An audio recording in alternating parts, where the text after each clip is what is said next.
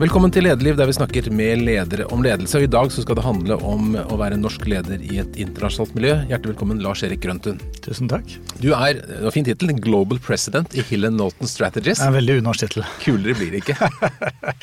det er en veldig unorsk tittel. Det er eh, helt riktig. Det er ikke alle som vet hva, hvem Hill Knowlton Strategies er. Si litt om eh, konsernet. Altså, Hill Knowlton er, jeg pleier å kalle det the grand old lady uh, of the industry. Fordi det er det eldste av de store globale uh, PR PR-kommunikasjonsbyråene.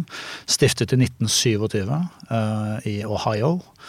Og uh, har levet gjennom alle disse tiårene, alle de harde 30-årene. Når det startet opp, dårlig tidspunkt å starte. og Krigsårene, og 50-tallet og 60-tallet, og Mad Men-perioden og 70-80, og, og, inn på 2000-tallet og frem til nå. Så det er, eh, det er et, et, amerikansk originert, men et virkelig globalt kommunikasjonsselskap. Og et av de største.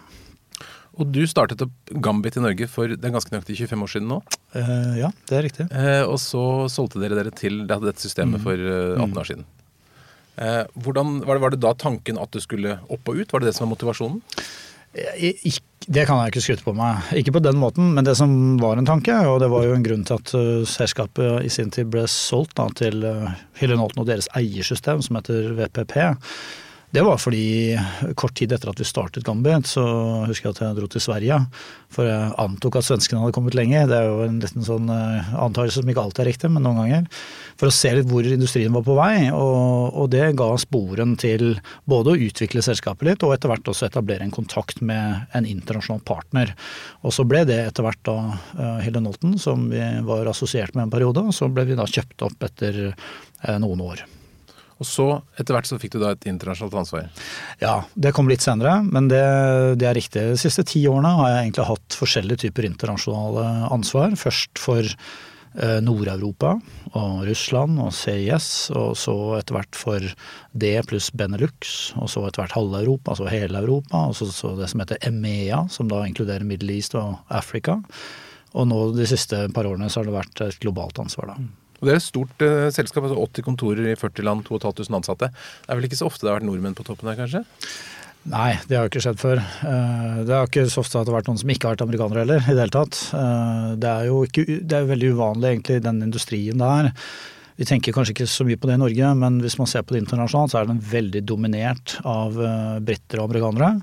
Både på eiersiden og ledelsessiden. Uh, det er egentlig veldig få andre som er fra Det er en og annen fra Tyskland og kanskje en fra Frankrike og Italia og sånn, men det er ikke mye.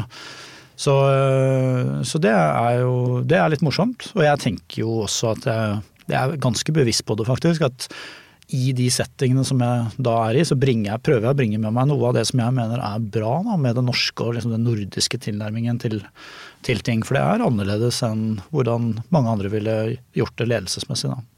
Men du nevnte VPP, eller WPP. Det er jo et uh, ukjent navn, men det er en ganske enorm gruppe innenfor kommunikasjon og reklame? Ja, det er verdens største aktør, det. Um, og det er jo et såkalt holdingselskap. Alle de store aktørene i reklame, uh, PR, kommunikasjon, research, uh, forskjellig sånn dataanalyse, design customer experience. Uh, du kan trekke det enda videre. Det, er jo en sånn denne berømte bransjeglidningen hvor du har mange markedsføringsdisipliner som etter hvert blir veldig digitaliserte, og grenser over i consulting, sånn som Deloitte og Accenture og alle disse.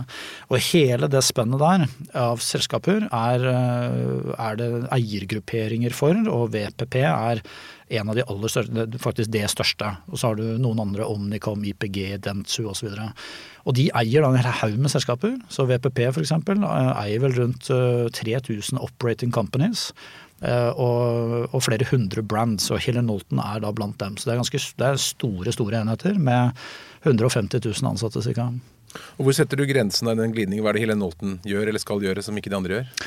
Nei, Min holdning er jo uh, at vi skal bryte ut av vår kategori. Uh, det har vært strategien ganske lenge.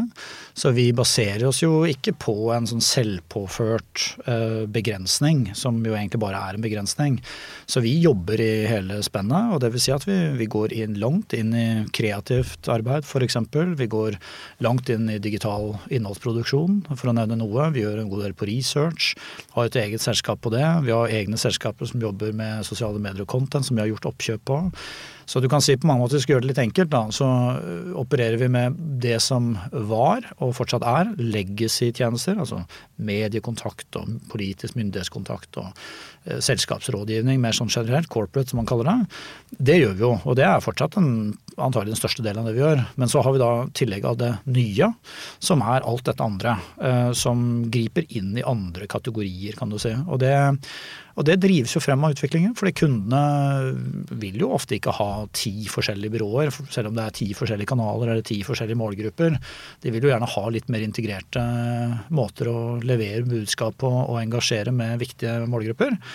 Og da blir det også logisk at vi som et byrå, når vi jobber med disse kundene, er i stand til å orkestrere dette for dem. da. Så går det noen grenser, selvfølgelig, for vi må ha en viss sånn kritisk masse bak hver av de tingene vi gjør for at vi skal kunne gjøre det konkurransedyktig. Men, eh, men den skalaen vi har, så har vi anledning til det. Og Det er en bransje som, som, alle andre egentlig, hvor det har skjedd ganske mye endringer de siste ti årene som følge av digitalisering og mm. sosiale medier. Så Hva vil du si de største endringene er? Hva er de største trendene i bransjen? Jeg vil nok si eh, det varierer jo litt fra marked til marked, men de, de største trendene slik jeg ser det, er jo um, jeg vil si to, i hvert fall. Det, det, ene er jo at alt digitaliseres. Og det slår inn egentlig på alt det vi gjør. Eh, det som en gang var tradisjonelt mediearbeid, eh, foregår nå i sosiale, digitale kanaler. Noe av det kjøpt, f.eks. Det er bare follow the flow, på en måte. Du er nødt til å gjøre det. Hvis du bare holder på med det du en gang gjorde, så er det ikke, det er ikke levedyktig. Så det er mye rundt det. Den digitale sporbarheten gjør at du også må kunne analysere mer data. Fordi det er mer sporbart alt som skjer i kommunikasjonskanaler. Så da må du utvikle de tjenestene og den kompetansen. Så egentlig alt digitaliseres på et vis, nesten uansett hva vi gjør. Så det er en hovedtrend som treffer oss, men egentlig treffer alle. Eh, det andre er nok eh, denne, denne hva skal vi si, kreative eh, utviklingen vi har. Og den henger jo litt sammen med det samme. og det er jo at vi PR i god, gammel, tradisjonell forstand har jo vært en veldig rasjonelt orientert kommunikasjonsdisiplin. Hvor du eh, kom mye ut av det å deale med politikere og medier, og du hadde journalister og redaktører som, som gatekeepere, du måtte jobbe med nyhetsvinklinger og alt det. Og det gjør vi jo. Men du kan si vi er jo ikke avhengig lenger, kundene våre er heller ikke avhengig av å bruke det som kanaler. Og du har ikke den samme screeningen med rasjonelle nyhetskriterier og den type ting. Det går an å nå ut til de målgruppene vi trenger å nå ut til på helt andre måter. Eh, og da, da, da, kan vi bruke mer emosjonelle virkemidler. Vi kan bruke levende bilder, eh, vi kan bruke infografikker som er mer pedagogiske.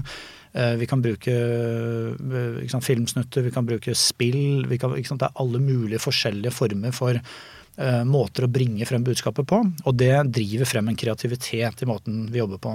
Så Det er nok den store trenden vi ser internasjonalt, er jo at eh, kreativitet og digitalisering preger veldig mye av det vi gjør. da. Hvordan vil du plassere Norge i forhold til resten av verden på hvor innovative eller hvor fremme vi er? Uh, nei, altså den litt ærlige vurderingen av det. Se på Europa, så er det jo jeg vil si at London er liksom det mest innovative markedet. Det har noe med skala å gjøre. Mange headquarters der osv. Som, som gir større budsjetter. og Det er mer rom for å innovere og investere i innovasjon. Og det er en tøffere konkurranse på mange vis òg, som driver frem det samme. Um, men jeg vil jo si Nord-Europa, absolutt. Det finnes byråer i Tyskland, Frankrike som er veldig gode. Frankrike har veldig mye bra. Eh, og Norden. Men jeg vil nok kanskje si Sverige før Norge, personlig. Um, men Norge igjen før Finland og Danmark. Uh, og Det er litt forskjellige grunner til det, men Stockholm er jo i det hele tatt et sånn veldig kreativt sted. De har fostret en av verdens største musikkindustrier etter UK og US. Og, og, og, har veldig mye kapital tilgjengelig, veldig mange store selskaper, mange hovedkvarterer, mange internasjonale hovedkvarterer også. og Det gjør at du får Ehm, du får en drive og et marked for den typen tjenester som har utviklet litt mer sofistikerte kommunikasjonstjenester òg. Så Norge er absolutt der oppe. Vi er ganske digitalisert, og vi har, ehm, vi har mange gode miljøer, byråmiljøer i Norge. Ehm, men jeg vil nok si svenskene ligger litt foran fortsatt. Og I den jobben din da, som Global President er du en av to som rapporterer til toppsjefen, etter hva jeg har skjønt. Hva, hvordan ser arbeidsdagen ut? Hvor, hvor, hvor, er du hen, og hva gjør du? Nei, altså Mitt ansvar er jo hele den internasjonale virksomheten vår. Eh, og eh, vi er mange steder. Vi har ikke du var inne på det, vi har ikke all vår virksomhet eller hoveddelen av den ett eller to steder. Det er veldig spredt. Og det gjør at mitt fokus og min hverdag er jo å prøve å systematisere jeg, har egentlig en todelt arbeidshverdag, som de fleste av oss har, tror jeg. Den ene, ene delen går til kunder og jobber med kunder her i Norge og ute. Uh, og det, Den driven tror jeg du må ha hvis du skal jobbe i professional services, uansett om du er advokat eller management consultant, eller om du jobber i reklame eller PR eller hva det er. Så den har jeg òg. Og det er jo deilig faktisk å gjøre det oppi alt dette administrative. Den andre delen går jo på å styre porteføljen. Uh, og da har vi et system på det hvor jeg følger opp alle våre virksomheter. Uh, jeg har omorganisert litt i noe som vi kaller fem pluss fem, som er fem nøkkelmarkeder og fem clustre. Norden er et cluster, f.eks. Eh, og jeg bruker mye tid på å følge opp disse lederne. Jeg er mye ute, deltar i pitcher, deltar i kundearbeid. Eh, rekrutterer nye ledere. Eh, jobber mye med finans, operasjonelle forhold. Og, og sørger for at vi utvikler oss i hvert enkelt marked.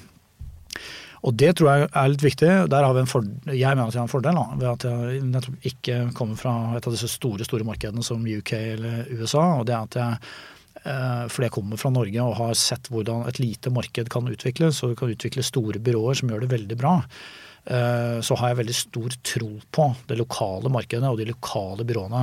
Så jeg legger litt sjela mi i å ha sånn tett kontakt med våre ledere lokalt og hele ledergruppene, hele teamet, og utvikle virksomheten og se om vi kan levere bedre.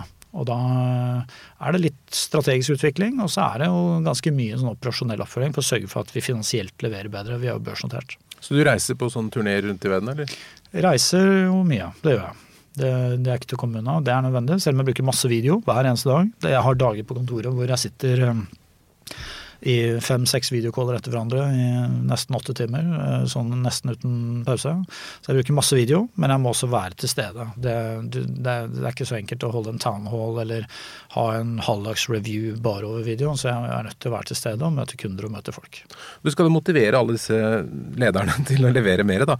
Hvordan, hva er, det du, er det dine viktigste grep for å klare å få folk til å strekke seg? Altså, jeg har alltid tenkt at øh, øh, og det var, det var, noen som fortalte meg mange år siden da jeg tok øh, den første internasjonale rollen og ba om et råd. og Så sa han at intelligent people don't like to be bullied around. Og det er noe med det. hvis du har de rette folka, så må du gi dem anledning til å lykkes. Og det er selvfølgelig en kombinasjon av å sette noen rammer, sette opp noen mål og drive litt energien. Um, jeg er veldig sånn tilhenger av kontekstuelt lederskap. så Jeg prøver å forklare litt ok, hva er det som møter oss, hvilke utfordringer er det vi har. Uh, hva er det vi forsøker å oppnå. Men når du har på en måte satt på plass de rammene uh, og målene, uh, så må du la folk gjøre jobben sin på et vis. Um, og da er det mer å støtte og pushe, og selvfølgelig i en del tilfeller så fungerer det ikke. og Da må man ta jobben med å skifte de lederne og få inn nye. Og i en så stor portefølje som jeg har, så er det alltid situasjonen. Uh, akkurat nå har jeg fem sånne situasjoner rundt om i verden hvor vi gjør lederskifter uh, av litt ulike årsaker. Så for meg så er det liksom disse rammene, å drive energien og prøve å dytte dette framover, det er en veldig viktig del i hvert fall av det. Så er det selvfølgelig 100 000 sånn nitty-gritty-ting. Vi har jo et stort finansteam som følger opp eh, alt det finansielle. Eh, veldig nitidig. Eh, vi har et talent-team som jobber med training og skolering og HR og appraisals og alt dette, evalueringer. Og, vi har et kreativt team som jobber med å etablere kreative huber, innovasjonshuber rundt i verden. Og vi har mange andre hva skal vi si, funksjoner da, som jobber, og det dreier seg også om å orkestrere det litt, og få det til å fungere i hvert enkelt marked. da. Men når du da ser at et marked ikke leverer godt nok, hvordan vet du om det er lederen som er for dårlig og må byttes ut, eller om det er markedet som bare er dårlig? Nei, altså Det kan jo være begge deler, men, men um, min egen erfaring er at det går an å gjøre det bra i et dårlig marked, og det går an å gjøre det dårlig i et godt marked. Eh, jeg kjøper ikke helt den der at eh, markedet er soft, og derfor så, så leverer vi dårlig. Det, det, jeg kjøper ikke det helt. Det, det, kan selvfølgelig være at du mister en kunde, eller at du får kutt på budsjetter og den typen ting, men i utgangspunktet så har jeg mer tro på mikro enn makro da, når det gjelder vår virksomhet. Vi er, Den typiske konfigurasjonen for oss er et team på en 25-30, kanskje 40 mennesker i et marked. Uh, og det er litt sånn opp til hvordan vi styrer og leder de troppene. Hvordan vi motiverer dem, hvor aggressive vi er, fått newbies og alt dette. Hvor gode vi er til å levere innovative uh, tjenester til kundene.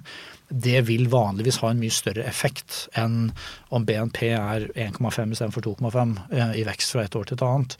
Så så, så jeg, jeg, følger opp øh, og er veldig tett på. Alltid prøvd å være det. Sikkert ikke alltid like populært i den andre enden, men øh, jeg har veldig tro på det. da. Men da med et såpass stort utvalg, så begynner du vel å se et slags mønster. Hva er det som kjennetegner de som lykkes? Altså, det er, et, det er et godt spørsmål, øh, og det er noe jeg har tenkt mye på. Når, altså I alle de tilfellene vi rekrutterer toppledere, altså GM-er eller general managers som vi kaller det, så så har jeg alltid brukt et sånt stjernekonsept da, med fem, fem, kriterier som jeg alltid ser etter. Og så er det andre ting uh, som kommer i spill. Men det er sånn, du må være god med kunder, god med salg. Helst god med folk. Ledelseskapasiteter. Uh, du, må, du må jo kunne tall, på et vis. Og du, det siste er typisk at du Det er en fordel om du representerer noe faglig. ikke sant? Om du er spesielt god på et eller annet fagfelt som gir deg en naturlig autoritet i et team. og de færreste kan levere på alle fem, men du må nok det, Jeg har til gode å ha ansatt en leder som jeg ikke har hatt ståltro på vil være god med kunder. Eh, og helst med salg og folk. Så er det noen som ikke er like gode på tall, men det går an å kompensere litt for ved å ha noen gode folk rundt. Og det er ikke alle som er en thought leader på et spesifikt eh, tjenesteområde eller en sektor eller noe sånt, men likevel har mye annet bra. Så må ta, man må på en måte akseptere at ikke alle er like gode, men du må ha en kombinasjon av det, mener jeg. Uh, og, jeg uh, og det holder ikke bare å være liksom en god fagperson. Du, det å være en god leder er noe litt annet. Du må kunne skalere litt, du må kunne ta litt tøffe beslutninger. Og det er masse eksempler i vår type business da, på at man promoterer folk som er gode på kundesiden. Kanskje smarte, kreative, flinke relasjonsbyggere. Den delen av hjernen fungerer bra, men de liksom roter det til i forhold til struktur og Eh, skjønner ikke helt forretten, har ikke forretningsforståelsen helt på plass, så skjønner ikke den biten, og da, da får du problemer. Så det er mitt utgangspunkt. Um, og så tror jeg jo, når jeg ser på det over tid, de som leder fra fronten, altså de som går ut selv, ikke sitter på kontoret, men er ute med kunder, ute i salg, jobber med teamene, er tett på dem. Litt sånn spillende trenertilnærming. Det, det gir vanligvis både gode resultater og veldig naturlig oppslutning i teamet. Så du har ikke noe tro på universallederen som kan lede all slags virksomhet? Nei, altså jeg tror du må kunne det du driver med. Eh, men det er klart at noen er, noen er, nok bedre ledere enn andre nesten uansett, fordi de har evnen til det, de har autoritet til å slå gjennom, ta beslutninger osv. Men eh, du må nok likevel forstå litt hva du står i, hvilken type business du leder av. Har du dummet deg skikkelig ut noen gang? Har du gjort noen tabber på rekruttering f.eks.? Ja, det har jeg. Flere ganger. Jeg, det vil være feil å nevne navn, men jeg har, jeg klart jeg har gjort det. Uh, vi gjør alle, alle, feil, og jeg har gjort mange feil, jeg. Uh, jeg pleier faktisk å si internt så pleier jeg å si at det er ingen som har tapt flere kunder enn jeg har. og når jeg er ute og reiser, da blir folk litt sånn Hva mener du med det? Jo, det er kanskje ingen som har vunnet flere heller, men jeg har vært med i masse konkurranser og har tapt og vunnet. og jeg pleier å si at vi må, vi må spille kortene våre til det optimale av det vi kan gjøre. Det er det vi kan gjøre. Så kan det være andre årsaker til at man taper eller vinner en kunde òg. Eh, men det som irriterer meg, er hvis ikke vi makser vårt potensial. Ikke hvis ikke vi klarer å sette sammen det rette teamet eksempel, med de rette folka. Og det kan fort gå feil, et stort system som vårt. Ikke trekke frem de rette uh, casene, ikke komme opp med de gode ideene. Ikke, ikke ha god nok presentasjon til kunden for å vise at vi virkelig er dedikert. Uh, det er mange ting vi kan styre. Så hvis vi optimaliserer det, så er det greit. Men det er ikke alltid at det har gått, og jeg har vært med på flere av dem enn de fleste. Så det er klart jeg, jeg har gjort feil der, og jeg har gjort feil på rekruttering. og Det, det er nok kanskje det, det, er det som svir mest. Eh, det er feil rekrutteringer. For det er, det er ille både for dem som blir satt i en situasjon som de kanskje ikke er satt opp for å lykkes i. Så det er jo aldri bra for, for dem det gjelder. Eh, men det er også sånn at det gjerne tar lang tid å finne ut av det. For du må gi folk en sjanse. Det kan ta et år, halvannen, to år kanskje, før du virkelig kan sette to streker under svaret at dette fungerte ikke. Eh, og så skal eh, kanskje den personen ut igjen, og så er det gjerne en litt smertefull prosess. Og så får du en del sånne ripple effects, konsekvenser i det videre teamet og er destabiliserende. Så det er nok det viktigste jeg gjør, det er å rekruttere. Jeg er blitt bedre på det da.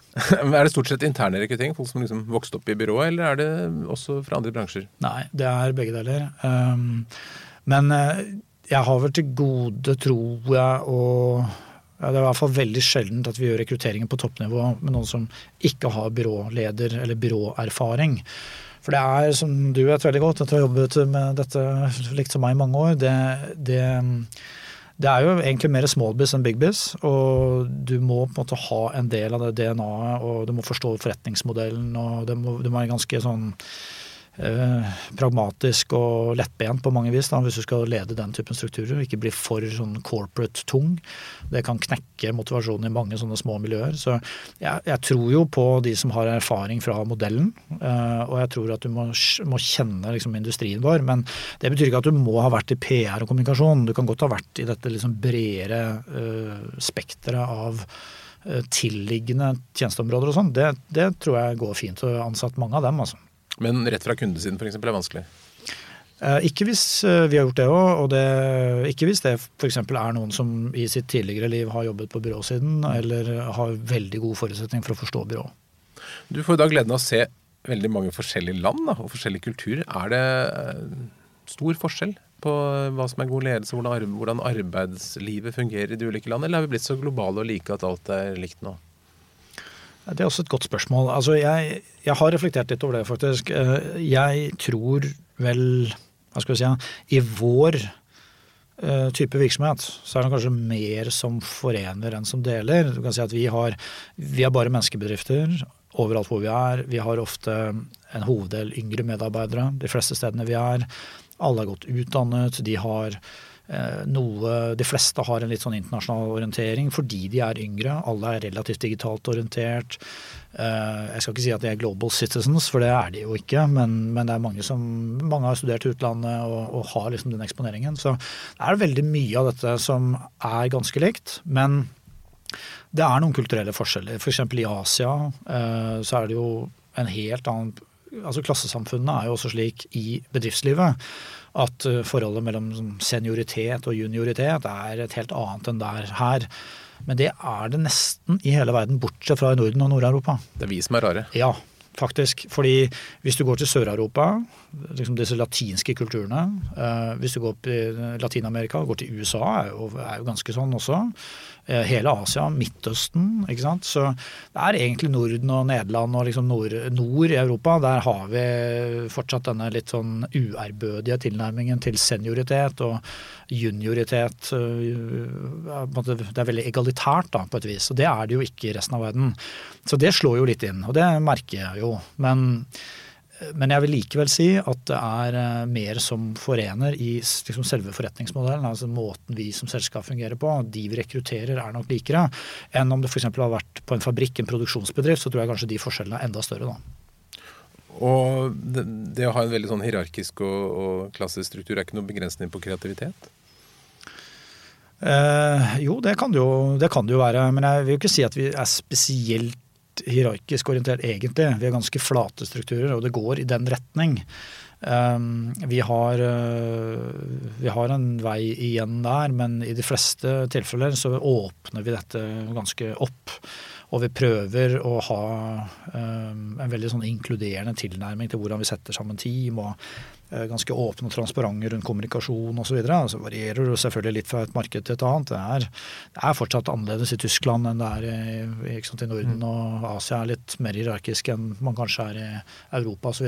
Men, men vi, jeg tror vi, altså byråbransjen, er nok langt lenger fremme fordi vi bare er mennesker enn mange av de mer sånn tradisjonelle industriområdene, som er bygget opp en, på litt sånn, en litt annen produksjonsmodell da, enn det vi er. Vi har også i hovedtrekk yngre medarbeidere. Det er vel i hvert fall 60% av staben, om ikke mer. Eh, det er også en hoveddel kvinner ansatt, det er også over 60 eh, av totalen. Ehm, så uansett hvordan du vrir og vender på det, så vil jo innflytelsen av majoriteten av de ansatte alltid være til stede i et sånt selskap. Ehm, og det, det gjør nok at vi bryter ned en del av de der siloene og nivåene i en viss grad, i hvert fall. Hva med kundene og kommunikasjon? Altså er det forskjell på det å bygge et godt omdømme i Norge eller i Amerika eller Midtøsten? Er det ulike forventninger til næringslivet? Ehm, ja, det er det. Eh, det mener jeg nok at det er. Selv om det er noe av den samme utviklingen overalt. Du kan si Uh, dette begrepet stakeholder capitalism som har jo kommet veldig nå, og i forkant av Davos nå uh, om et par uker, så blir jo det på en måte det store temaet. At man går fra shareholder capitalism til stakeholder capitalism. Jeg tror nok den, den utviklingen der, den ser man over hele verden. Den er mye drevet av uh, klimakrisen, et krav fra samfunn Eh, en stor konsumentbefolkning, eh, en stor demografi som kommer opp. Vi har jo aldri hatt eh, noen gang i verdenshistorien flere teenagers enn vi har akkurat nå. 1,2 milliarder teenagers. Eh, du kan si hele konsumentbefolkningen som er der ute, den legger krav.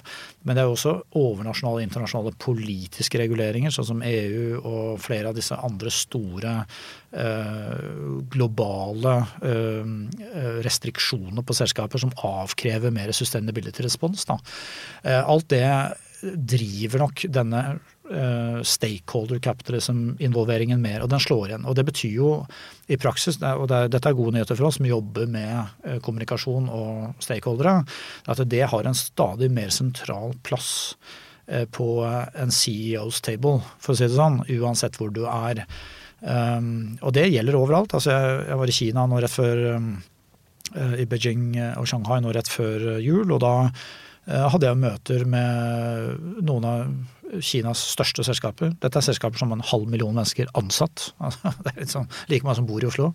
Eh, og eh, de ligger jo et stykke bak, men Vesten på en del av denne typen tenkning, og er jo ikke egalitære på den måten som vi tenker på det, og inkluderende på den måten, og demokratiske på den måten, men ser veldig til Vesten i forhold til hvilken type uh, oppførsel ledere har, og hvordan CEOs og toppledelse må forholde seg til disse bevegelsene. Så det er klart at det er en del sånn grunnleggende trender tror jeg, som slår inn nesten overalt, selv om det selvfølgelig er det er forskjell. Hvis du går til Brasil f.eks., så har de et annet forhold. Populasjonen der har et annet forhold til f.eks. olje- og gassnæringen enn det man har i eh, Europa og Nord-Europa, hvor det stilles veldig høye krav til deltakelse og respons på sustainability, for å bare nevne ett uh, eksempel. Um, så det her er jo liksom noe av jobben vår. da, mm. Å prøve å navigere dette for kunder. Kan du trekke frem noen store selskaper som er veldig gode, og kanskje også noen som er veldig dårlige? Det trenger ikke være dine kunder, som på, på det å tilpasse seg omgivelsene? Altså Nå er jeg jo litt bias på det, men jeg vil jo her eh, hjemme i Norge vil jeg peke på Equinor. Eh, eh, som nå innledningsvis i 2020 har virkelig satt tonen med sine forpliktelser, selvpålagte på mange måter. Forpliktelser for mange tiår framover når det gjelder CO2-avtrykk fra egen produksjon.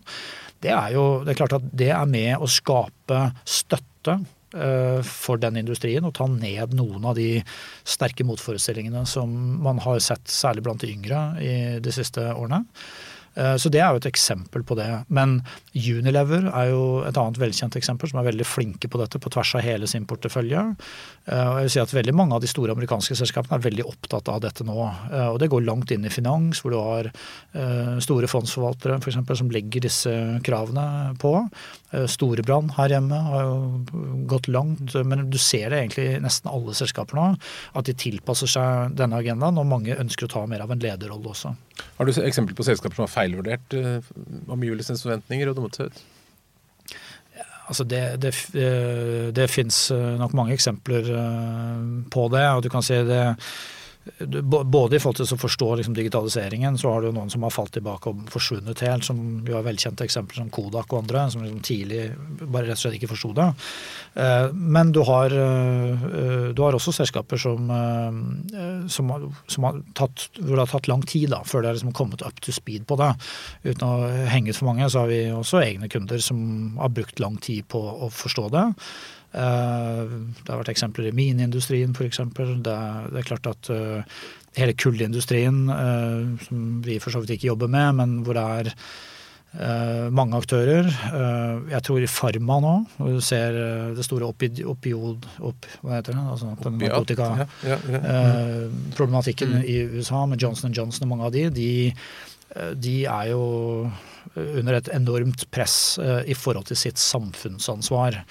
Um, så det er mange sektorer tror jeg, som fortsatt baler med det, og kommer til å bale med mer sånn stakeholder activism. At du, du får konsumentgrupper, du får investorer, du får uh, de store institusjonelle investorene så vel som private investorer.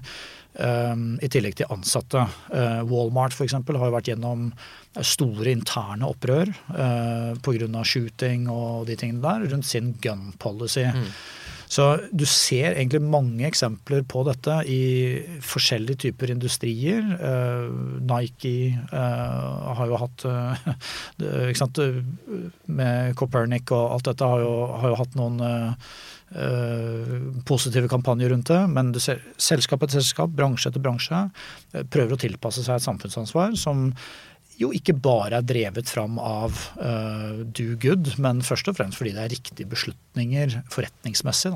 Uh, for å tiltrekke seg kapital, tiltrekke seg de rette ansatte og få den tilliten de trenger for å være suksessfull som selskap over tid, så må du gjøre disse tingene. Og det er det jo stadig flere som ser, tror jeg. Men Betyr dette også at det stilles nye krav til topplederne i forhold til fra Nordsjøbakke? I evnen til å lede og, og presentere selskapet? Jeg tror dette må være, må være en mer integrert del av agendaen. Eh, det tror jeg. Og eh, der ser jeg jo en annen trend, og det er jo denne litt sånn gammeldagse CSR-virksomheten. Hvor liksom du, du, du, holder på med Altså samfunnsansvar? Ja, samfunnsansvar. Du holder på med, med, med, produksjon av biler eller hva det er, og så har du et CSR-prosjekt som dreier seg om barnehjem i Romania. Det er, mm. det er fint, det, men det har liksom ingenting med virksomheten å gjøre. Mm. Det vi ser er jo at eh, de fleste etter hvert begynner å ta denne samfunnsansvarsagendaen inn i selve forretningsstrategien. Hva er det vi som virksomhet driver med? Hva er det det gjør som kan være positivt for samfunnet? Man, man tar egen virksomhet istedenfor en form for sånn eh, avlatshandling på siden av. Der er det en betydelig endring i, i tilnærmingen. Mye av det går jo rundt disse eh, FNs bærekraftsmål, som har fått en ganske stor betydning for mange selskapers eh, forretningsstrategier de siste årene. Men krever det også at du har en toppleder som er liksom en, en showperson som kan være en frontfigur og presentere det på en god måte? Jeg tror ikke jeg hadde sagt showperson, men at det er en, eh, at, at det er en fordel å være en leder som er kommunikativ, det tror jeg nok. Um, det tror jeg. Du, du må nok eh, i større grad være, ha evnen til å kunne engasjere internt ansatte, men også engasjere eksternt. og kunne målbære uh, hva virksomheten står for. Liksom være en autentisk leder, men også en som representerer verdiene i det selskapet som man tross alt representerer. Det tror jeg nok er viktigere nå enn det det var. Det som er litt fascinerende med, med det amerikanske markedet sett fra Norge, er jo disse enorme forskjellene mellom toppleder og en arbeider i, i lønninger, hvor de liksom tjener 10 000 ja. ganger. Altså, eh, kan ja. det fortsette?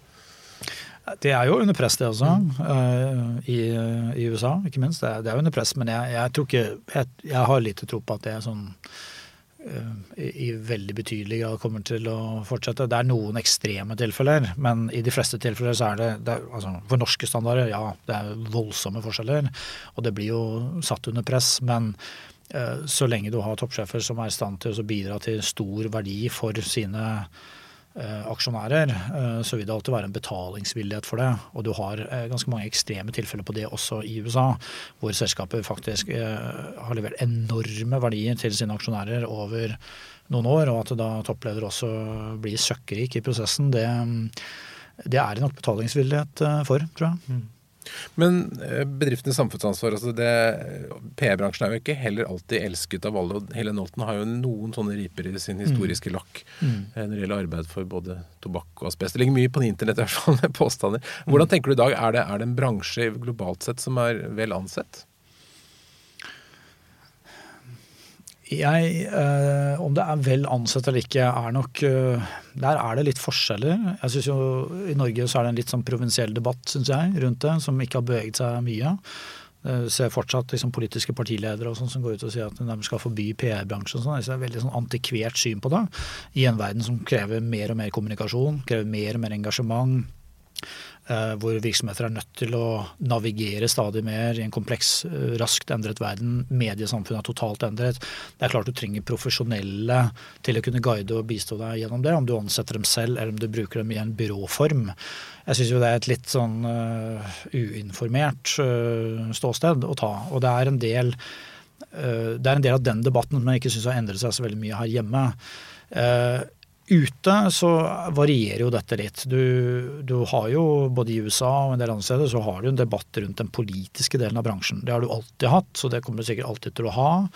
Eh, de som på en måte påvirker, og hvordan de påvirker, og lobbyister og alt det der. Men realiteten er at det nummer én er at det er ikke en veldig stor del av det bransjen gjør. Det er kanskje en 10-15% i Norge, og i de fleste andre land eh, Hoveddelen av det man gjør er jo helt andre ting. Så det må man først ta inn. Og så vil jeg også si at det er viktige funksjoner og demokratiske funksjoner. Fordi det bidrar til at synspunkter kommer frem.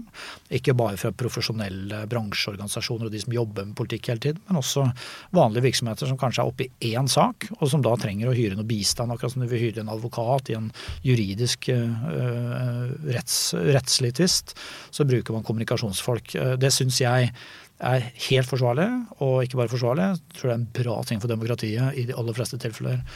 Um, men det er klart at det, det, er noe debatt rundt den siden av vår virksomhet. Og så er det jo noen som, en del journalister og en del mediefolk og så videre, som reagerer på at det hvert blir flere kommunikasjonsfolk enn journalister. Men det har jo noe med medieutviklingen å gjøre, som man neppe kan laste PR-bransjen for. Um, bottom line er at det er et større kommunikasjonsbehov enn det har vært noen gang før. Det er flere kanaler. Eh, eh, det er 24-7. Det går raskere. Eh, det er mer komplekst enn det har vært noen gang. Du har mer fragmenterte målgrupper. Og det å navigere og meningsfullt engasjere alt dette, det krever en voldsom innsats. Og det er grunnen til at du får denne oppblomstringen av kommunikasjon egentlig globalt. Og det syns jeg ikke det er en naturlig konsekvens, og ikke noe jeg syns er naturlig å, å, å, kritisere. Eh, jeg opplever ikke at dette er et veldig stort problem andre steder, egentlig. Hvordan ser du for deg at bransjen kommer til å utvikle seg de neste 25 årene? Du, hvis du tenker at du er midtveis i en 50 års karriere i bransjen? Ja, det er Så lenge tror jeg ikke jeg holder på. Men jeg um, jeg, jeg, tror du kommer til å se noen polariseringer i vår bransje. Jeg tror du kommer til å ha én utvikling som går i retning av brede eh, kommunikasjonsmiljøer med god hva skal vi si, en god miks av markedsføringsressurser og mer tradisjonelle kommunikasjonsressurser. Eh, alt mer digitalt basert. Jeg tror det kommer til å være mer produksjon i den miksen. Jeg tror det kommer til å være et strekk mellom strategisk rådgivning og og mer hva skal vi si, produksjonsenden av det. Eh, men bredde og relativt store skalerte miljøer. Det tror jeg du kommer til å se. Og så tror jeg du kommer til å se en annen, altså en polarisering andre veien, som er mer spissede mer spesialiserte miljøer, også mer enn det vi har i dag. Eh, du, og det, det, ser jeg jo i mange andre markeder, hvor du har egne byråer som bare fokuserer på visse sosiale kanaler, f.eks. Som bare fokuserer på visse kanaler og teknologi for intern, interne målgrupper. Altså veldig spesifikt. Men det krever litt skala å få til det, og det er ikke sikkert at Norge har det. Men at du kommer til å få mer av det internasjonalt, det er jeg ganske sikker på. Um, men bottom line så tror jeg for så vidt at byråene har um, jeg ser at det er en del som mener at pga. kostnadspress osv. Så kommer man til å utfordre hele liksom, byråeksistensen. Mm har jeg mindre tro på. Det kommer til å være mye kostnadspress. Jeg tror vi kommer til å måtte levere veldig kostnadseffektive tjenester. Eh, mer standardisering og en god del av det. Men jeg tror til syvende og sist også at det vil være et uklokt valg av veldig mange bedrifter å satse på at all kompetansen til enhver tid skal være en statisk kompetanse du har internt i eget miljø. For fordi verden endrer seg så fort at det er bedre å holde seg med litt fleksible ressurser, og de kommer gjerne i byråform. Så jeg er ganske optimistisk på det. Tenker du at det vil være attraktivt fortsatt å jobbe i byrå? Uh, ja, det tror jeg, men det er et veldig godt spørsmål. For det er klart at uh, i en del markeder så ser vi at uh, det er at det ikke nødvendigvis er tilfellet. Fordi det er ganske høye produksjonskrav. Du må levere, og det føles kanskje mer usikkert på et vis enn å jobbe in-house hos et selskap. Så, så fra, sånn, fra, det perspektivet så ser vi at det kan være utfordret. Men det vi må gjøre som bransje for å sørge for at vi er attraktive, er jo at vi hele tiden ligger litt foran, også foran kundene. Og det er jeg ikke sikker på alltid er tilfellet lenger. Jeg var helt sikker på det for ti år siden. Jeg er ikke så sikker på det nå, sånn generelt som bransje. Men hvis vi er innovative og oppleves å være et sted hvor du kan utvikle deg, eh, du får jobbe med de beste kundene, med de beste folka, eh, du får lov til å ta del i utviklingsprosjekter, kanskje utvikle nye tjenester. Eh, det tror jeg vil være veldig attraktivt. Og mer attraktivt enn å sitte kanskje inne i ett selskap, én kontekst. Da. For det, det, er jo fordelen med byråverdenen, at du kan operere litt bredere. Hvis det kommer en ung person til deg og sier Lars Erik, jeg vil bli som deg, jeg vil gjerne bli sånn internasjonal, kul, global leder i P-bransjen. Hva er de tre lederrådene du vil gi? Lederrollene? Ja, leder. God leder, når du skal bli sånn fin leder som deg. Um, nei, altså det Jeg skal jo være litt uh, kanskje varsom med det, men jeg vet du hva, jeg, jeg, jeg, tror For det første så tror jeg hardt arbeid uh, trumfer talent. Det er alltid ment. Um, det er klart at du, du må ha uh, du må ha et egenskapssett, det er ikke det, men det holder vanligvis ikke, i min erfaring. Du må legge inn en del Du må være villig til å jobbe litt hardt, da. Og det er ikke det er ikke alle som er det, og da får, får et fortrinn hvis du er villig å liksom legge inn litt ekstra innsats, så vil det merkes veldig fort. Så det vil jeg si, det er nok et, et råd, i hvert fall. Um, så tror jeg nok det Det er alltid noe med den derre evnen til å kunne uh, skape noe engasjement og det kan være humor, eller det kan være at du brenner for noe. Men altså, du har uh, noe litt utover bare at du har kompetansen og du jobber hardt. Men at du, liksom, du har en, en ektefølt noe, en emosjonell innsats også. At det er noe du virkelig brenner for og står for. Det, det, vil også ofte bli lagt merke til. Fordi du har ganske mange av de som, som de jobber og de står på, og, og, vi er helt avhengig av dem. Og de er kjempebra på alle mulige måter. Men det som står litt ut, er jo gjerne noen som har noe de brenner litt for. Da. Så jeg syns nok det kanskje er et godt råd at hvis du har det, så la det synes. Bruk tid på det, få det frem. Um, og så tror jeg jo uh, uh, Utover det så tror jeg jo at det, det er alltid klokt å være litt frempå, da. Um, der er det jo noen som er det mer enn andre, men det å liksom, komme med litt forslag. Ikke bare kritisere, uh, men liksom være, ha litt forslag til løsninger, komme opp med noen nye ideer. Være litt frempå. Uh, ta litt plass. Uh, det pleier også vanligvis å, å, fungere. Fordi det er dessverre sånn, det tror jeg sikkert du har merket òg, du, du, har mange mennesker som du er eksponert for hver eneste dag. Um, og du, skal du skille deg litt ut blant dem, de mange, så, så, må du være villig til å stå litt ut og ta litt risiko og tørre litt. nå. Så jeg tror nok i hvert fall de tre tror jeg vil være behjelpelige. Da. Det tror jeg. Og hvis du da blir leder, hva skal til for å være lykkelig som leder over tid? Lykkelig? Mm. Du vet hva, jeg, jeg, jeg, tror til syvende og sist så du må jo helt innerst inne, sånn hva de kaller det, intrinsic motivation, altså du, du må du må jo like det du driver med. Du må jo gjøre det. Hvis, du, hvis du bare gjør dette av liksom eksterne årsaker, for du skal til neste karrieresteg osv., så, videre, så vil det synes på et eller annet punkt. Jeg tror det er viktig å havne på riktig hylle. At du, du, du, kommer inn i noe. Byråbransjen er ikke for alle, f.eks. Og det er ikke alle som trives i lederrollen. Det er heller ikke for alle. Eh, da er det kanskje bedre å heller gjøre litt andre ting. Så skal du bli lykkelig, så må du passe på at du står litt trygt i deg sjøl, tror jeg, og komme deg inn i de rollene og posisjonene hvor du føler at dette gir deg energi, og dette er noe du føler at du kan levere på, og du har energien hver morgen til å dra det litt videre. Da tror jeg altså du blir mer lykkelig. Um, og det er mange eksempler på dem som havner litt feil, og som holder fast ved det, men hvor alle på en måte ser at dette er ikke riktig. Um, så jeg tror det og så må man ta litt ansvar for sin egen lykke. Uh, det, du kan ikke alltid stole på at en arbeidsgiver ser deg. Dette har jeg sagt til mange yngre som jeg har satt meg ned med og snakket med over tid. at altså, Det er ingen som kjenner din situasjon som det du gjør. Du kan ha en avdelingsleder eller en byråleder eller noen rundt deg, en kunde. De ser jo ikke deg like mye som du gjør. Så hvis du sitter og er misfornøyd med noe, eller hvis du tenker at du har et behov for å utvikle deg videre, vel, da må du si fra om det. Og ikke sitte der og være sur fordi ingen andre har sett det. Eh, så jeg tror du må ta litt sånn ansvar for eh, egen lykke. Da. Er, du, er du lykkelig der du er nå? Ja, altså, jeg kan ikke si det hver dag. Det ville være å lyve. Ja, um, og jeg har alltid vært ganske flink på sånn selvmotivasjon. Dra meg opp hver morgen, selv om det kan være litt tungt.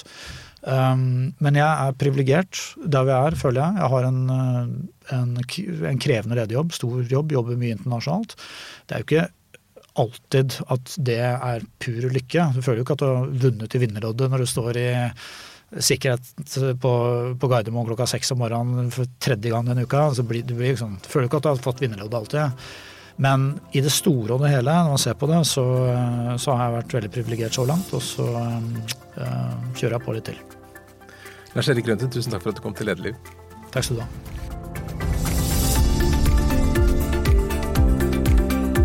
Lederliv er en podkast fra Apeland. Redaksjonen består av Ellen Paulsen, Lars Jarle Melum, Lars Volden og meg, som heter Ole Kristian Apeland. Hvis du vil høre mer, så trykk abonner. Da får du varsel når det kommer nye episoder. Og hvis du har noen tips, så send en e-post til tips at eller til meg, ole. Takk for at du lytter.